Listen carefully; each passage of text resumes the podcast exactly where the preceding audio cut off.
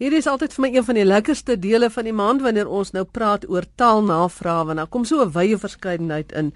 En voordat ons gesels, onthou as jy enige navraag het, stuur jou e-pos na my magteleen@rsg.co.za. Ek gee dit aan die taalmanne en dan bespreek ons dit by een of ander program tussen nou en Kersfees dan sal ons dan by jou vraag kom. Nou terug na vandag se navraag, weer 'n hele klompie interessantes en uh, ons begin by jou Frikkie dit gaan oor horrelpoot. Nou horrelpoot is natuurlik 'n uh, ek wil nou 'n aanhalingstekens sê skeldnaam. Ek kan nou nie op die korrekte woord kom nie.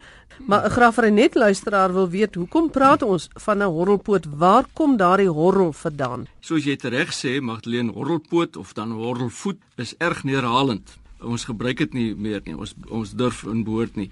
Maar as 'n mens dan nou daaroor moet praat en dit is in die verlede so gebruik en ons as woordeboekmense moet 'n definisie daarvoor gee. Nou dit is 'n misvormde voet of klou dan en selfs nog meer herhalend baie keer is die mens of dier wat so 'n voet of klou gehad het ook genoem 'n horrelpoot of 'n horrelvoet. Nou as 'n mens so na horrel kyk dan sal jy dink maar jy skry seker 'n horrel. Met ander woorde dit klink amper soos 'n selfstandige naamwoord. Maar dit is nou nogal nie die geval nie. Hierdie horrel kom uit Nederlands waar 'n werkwoord gekry word horrelen en dit beteken strompelend voortbeweeg. Nou daardie strompel gaan terug ook na uh, Nederduits horrelen wat heen en weer gooi beteken so jy het beweeg en later het dit horrelen geword en dan beweeg jy asof jy iets heen en weer gooi. Uh strompelend voortbeweeg, so dis daai strompelend voortbeweeg plus poot of voet. Jy beweeg nou met jou voet so strompelend voort want daai voetjie is nou bietjie misvorm en nie reg nie. Die eerste optekening hiervan is in vroeë Afrikaans deur 30 Maart 1770 in 'n frase een horrelpoot vul met ander woorde 'n vulletjie met so 'n poot. En dan gaan ons na ons volgende vraag en dit gaan oor sondebok en sondaar, iets wat mense nog baie keer in verskillende kontekste verkeerd gebruik. En Willem, jy gaan vir ons dit antwoord. Ja, Magdalene, uh, daar's 'n groot verskil tussen 'n sondaar en 'n sondebok. En mense verwar dit. 'n Sondaar is werklik die persoon wat die sonde gepleeg het, wat skuldig is, wat ehm uh, verkeerd is, wat die verkeerde daad gepleeg het. Terwyl die sondebok kom uit die Israelitiese geskiedenis. Nou die sondebok was 'n bok wat by die Israeliete op die groot versoeningsdag uh, simbolies met die sonde van die volk belas is en die woestyn ingejaag is. So die bok moes die sonde dra van die hele volk. Dis maar dieselfde gedagte as by die offer gewees. Jy kon enige dier van 'n duif tot 'n bees kon jy gaan offer vir jou sondes.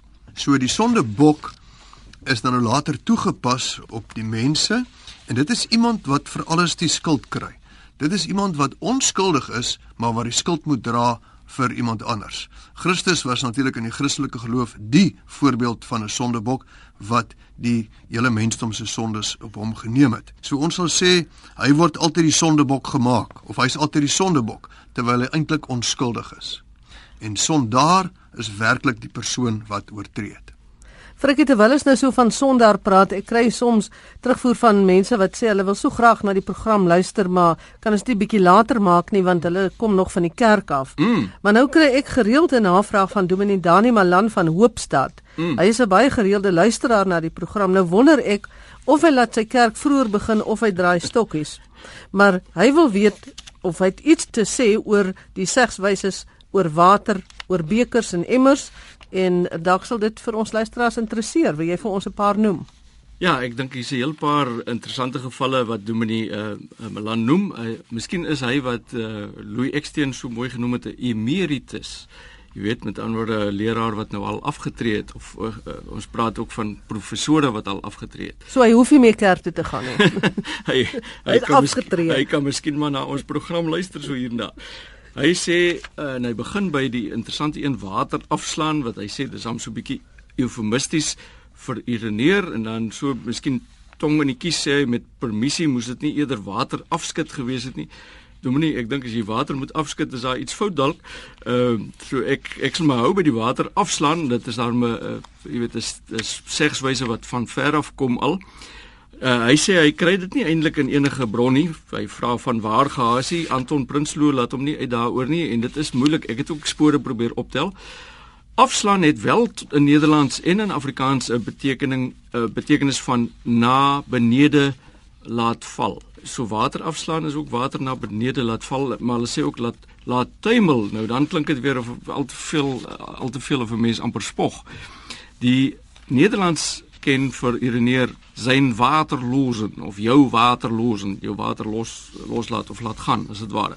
'n Ander interessante geval noem hy, hy sê is pragtig digterlik. In die Bybel sê hulle my beker loop oor. Nou ons weet as jou beker oorloop, dan voel jy jy's buitengewoon geseën, alles gaan goed.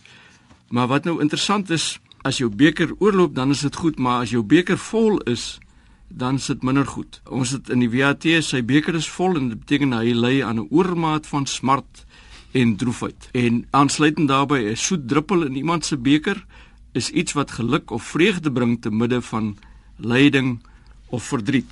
Nou as jou beker en piering oorloop, wat sou dit beteken? dan jy te veel geskink. Dit, dit gaan eintlik te goed die Dominiek eh, keer terug en hy sê uh, jou jou emmer loop oor het weer 'n totaal ongunstige betekenis. 'n Gewone platterige Afrikaanse beteken ek is nou sommer vies vir jou. Dit is ook so in die VAT opgeteken. En dan sê hy iemand wat diep in die emmer kyk of wat daarin sit is besope. Die ken die VAT ook albei, dit is waar. En as iemand jou in die emmer sit, beteken dit dat so 'n persoon jou gekil of verkil het. Dit is ook akkuraat, dit staan so in die Woordeboek.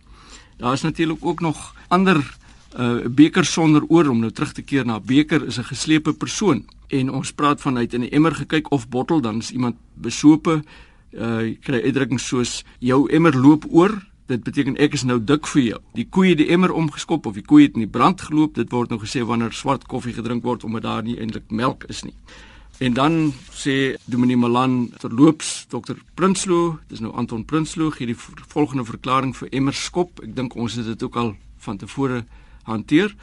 Uh dit is maar 'n foutiewe leenvertaling van die Engelse kick the bucket want die bucket was moontlik 'n balk waarin pasgeslagte diere gehang is en in hulle laaste styptrekkings het hierdie diere dan teen daardie balk geskop. Willem, voordat ons nou met ander navrae verder gaan, wil ek net gou iets anders vir jou sê daaroor dit gaan nou oor taal en woorde, nuwe woorde, soos ons nou gepraat het ook. Daar is 'n interessante projek wat aan die kom is waaroor jy 'n bietjie meer inligting vir ons het. Ja, Magteleen, uh hier was 'n interessante mededeling van Dani van Wyk, die hoofuitvoerende beampte van die SBA, dit is die Stichting vir die Bemagtiging deur Afrikaans. Hy is besig met 'n projek om die rykdom van uitdrukkings en woorde in die breingemeenskappe dwars oor Suid-Afrika wat nie algemeen bekend is nie te versamel. En hiervoor het hy onderwysers in die Weskaap betrek as 'n eerste stap wat dan die woorde versamel, maar die SBA gaan dit ook uitbrei na die res van Suid-Afrika. En hulle het die Woordeboek van die Afrikaanse taal ook hierby betrek. En dit is 'n baie baie wonderlike projek en ons wil hulle ten, ten graagste daarmee ondersteun. En ek gaan net een voorbeeldjie noem van die interessante uitdrukkings wat na vore gekom het. Meneer eh, Dennis Molgas is 'n onderwyser hier in die Kaap en hy vertel hoe 'n seun een aand by die huis gekom het en hy het 'n bietjie gedrink en toe sê sy ma vir hom maar jy ruik na drank. Toe sê hy nee, is maar net bier, ma. Toe sê sy maar onthou, bier is die onderrok van wyn. Ja, baie mooi. Baie mooi raak sê sê goed net soos die mense van Namakoland ook byvoorbeeld. Ja. Dat ding sommer so op die naam kan sê. Mm. En partykeer sommer so in die naam in ook nog. Onder die rok en bo die rok ja. net so. Dit baie interessant en is hoop mense laat weet vir die vir die stigting. Ek sal nog vorentoe gesels met Dani daaroor en mense kan maar sulke woorde bymekaar maak, neerskryf en dan vir Dani laat weet of selfs vir julle by die woordeboek laat weet en selfs vir my hierso by RSG laat weet. Frikkie, 'n luisteraar van Queenstown vra na die herkoms van houtgerus. Ja, jy weet as ons uh, houtgerus is, dan is ons mos nou heeltemal gerus, heeltemal op ons gemak. Uh, mens verwag nie die kwaad of enigiets sleg slegs wat met jou gaan gebeur nie. Dit is eintlik 'n ingekorte vorm moet ek sê van houtpop gerus. Met ander woorde jy so gerus soos 'n houtpop. Nou hoekom is dit so genoem? Omdat so lewelose houtpop geen beweging, reaksie of emosie toon nie. So dit is eintlik is houtgerus moet ons lees as houtpopgerus, daai pop het net uitgeval. Maar uh, dit, dit dit maak 'n bietjie meer sin dink ek vir mense as jy weet wat agter houtgerus lê. Ons het nou 'n soortgelyke mededeling eintlik hierso van Gerard Vermaak uh, waarvan Frikkie nou gepraat het is waar houtpop gerus waar die pop uitgehaal is en maar die betekenis nog dieselfde bly. Gerard Vermaak het hier vir ons twee voorstelle gestuur en dit is oor die woord instandhouding en vierwiel aangedrewe voertuig. Nou hy sê kan ons nie instandhou gebruik in plaas van instandhouding nie en kan ons nie vierwiel gedrewe voertuig in plaas van vierwiel aangedrewe voertuig gebruik nie. Ja, Gerard uh, maak 'n heel sinvolle voorstel in standhouding wat jy net dan verander na instandhou. Uh die selfstandige gebruik van die werkwoord in sy werkwoordvorm is algemeen in Afrikaans. Jy sê die wegbeweeg van die rigting van konservatisme of so of die hanteer van sulke voorvalle. Dit sou in orde wees. Dit, dit is 'n bestaande patroon in Afrikaans. Ehm um, sy voorstel van vierwiel aangedrewe voertuig na vierwiel gedrewe voertuig is ook goed maar daar is 'n oulike term wat deesdae in motortydskrifte gebruik word vir hierdie voertuie en dit is 'n viertrek voertuig of bloot 'n viertrek. Ek het vir my 'n viertrek voertuig gekoop of ek stel belang in 'n viertrek. Ehm um, dit sou dit dan nog korter maak en dit is vir my baie mooi die viertrek voertuig. En dan Frikkie, meneer of mevrou Driesen, ons weet nie wie hulle is nie, is nuuskierig oor die agtervoegsel dom soos wanneer jy in mensdom, rykdom ensovoorts praat. Ons het dit ook al in 'n vorige program met 'n ander bespreking gehad. Maar kan jy vir ons meer duidelikheid gee? Ja, hulle sê ook in in Engels het ons nou kingdom. Wat is die dom of dim uh, of maak ek 'n dom vraag? Nou dit is nie 'n dom vraag nie. Hierdie agtervoegsel dom beteken gesamentlikheid, groep of stand, soos in sê maar die barbare dom, die Christendom, die heidendom, die Jodendom, die mensdom selfs. Dit kan ook 'n toestand beteken. Rykdom, die die toestand dat jy ryk is. Uh verder dui dit ook aan 'n gebied van administrasie of jurisdiksie. Aartsbisdom, hertogdom, pausdom, priesterdom. Ons kry in Engels kingdom, dukedom. Hulle ken Engels ken selfs Christendom, naas Christianity. Nou waar kom dit vandaan? Dit is gewoon uit Oud Engels wat dit reeds geken het net so in die vorm DOM en oud Hoogduits wat TOM T U O M het. Dit beteken dan oorspronklik posisie of toestand. Dit kan ook beteken beslissing of verordening of jurisdiksie of regsgebied soos ons dit kry. In Engels kry ons baie dieselfde patroon freedom. Dit is die toestand, soos ek gesê het, dit beteken toestand, die toestand van vryheid te wees, wisdom, die toestand van wysheid te hê. In Afrikaans natuurlik het ons die uitgang heid wat baie dieselfde werk daar is as as dom, maar dis 'n algemene agtervoegseltjie wat meer produktief is dink ek is wat mense besef. Wat beteken die woord psikofant, Willem? Ja, Magdalene, hierdie navraag het sy oorsprong uh, rondom die gebeure daar op die Waterkloof lughawe en 'n troue van sekere partye en toe het van die koerante geskryf van een van die partye dat hulle sou psikofante wees. Nou 'n psikofant is iemand wat by invloedryke mense of partye doelbewus vleitaal gebruik of hulle dan vlei ter wille van moontlike voordele wat dit vir hom of haar kan inhou. Ons het 'n paar mooi voorbeeldsinne hier. Dit kom uit die manuskrip vir die volgende deel van die Woordeboek van Afrikaanse taal wat uh, hopelik aan die einde van die jaar sal verskyn. 'n Aanhaling uit die Volksblad wat lui Semi-staatsinstellings word gelaai met loyale ondersteuners en psikofante ongeag of hulle bevoeg is. Nou ons het 'n paar uh, sinonieme of amper gelykwaardige woorde in Afrikaans soos 'n flikvlooier, 'n agterryer, uh en dan 'n bietjie meer plat, inkruiper en dan heel plat en seker die mees gebruikelike een, 'n gatkruiper. Maar uh, interessant genoeg die die byvoeglike naamwoord psicofanties word nog meer in Afrikaans gebruik as as die psicofant, die selfstandige naamwoord. 'n Luisteraar van Oranje Moon vra wat die polie in monopolie beteken. Frikkie, die vraag na jou kant toe. Ja, 'n monopolie weet ons is 'n marksituasie wat gekenmerk word deur alleenhandel of die eksklusiewe beheer oor die verkoop of die vervaardiging of selfs die verrigting van iets. Teenoor monopolie kry ons dan so iets soos 'n oligopolie en dit is weer waar waar die marksituasie deur 'n klein aantal mense beheer het en dit is albei maar eintlik in 'n redelik ongunstige sin want uh, jy voel dit is een mens wat alles beheer of net 'n paar jy weet wat alles beheer in plaas van 'n klomp mense. So dis nie altyd so so goed nie. Ons ken ook die ou speletjie wat ons altyd gespeel het, Monopoly, die bordspeletjie waar dit eintlik die doel was dat jy uh, al die eiendomme op daardie bord moet besit en beheer en dan skakel jy die ander manne so uit. Dit kom uit die Latyn monopolium of Grieks uh, monopolion en dis maar 'n samestelling van monos wat enkel is of alleen plus poleo ek verkoop. Met ander woorde ek verkoop alleen, net ek verkoop, nie ander nie. Dr. Fafa Jordan vra na 'n goeie Afrikaanse ekwivalent vir mole mapping. Nou as hy hierdie vraag vra, dan neem ek aan hy's 'n velspesialis. Willem, antwoord jy vir ons? Ja, hy is inderdaad en hy hy skets die agtergrond. Hy sê pasiënte kom dikwels met musies na 'n velspesialis toe. Dan moet die musies dopgehou word want hulle verander. En as hulle verander van grootte, vorm en kleur, eh, kan dit kommerwekkend wees, maar meestal is dit 'n normale verskynsel. En daarom is daar nou 'n masjien waarmee die musies digitaal gemoniteer kan word. Die pasiënt word vandag gesien en dan word die beelde gestoor en dan weer oor 6 maande as hy die pasiënt weer kom, dan word die beeld vergelyk met hoe die pasiënt nou daar uitsien. En dan die Engelse naam vir die prosedure is mole mapping en dan vra hy of daar 'n Afrikaanse ekwivalent is en hy stel dan self voor musiekartering.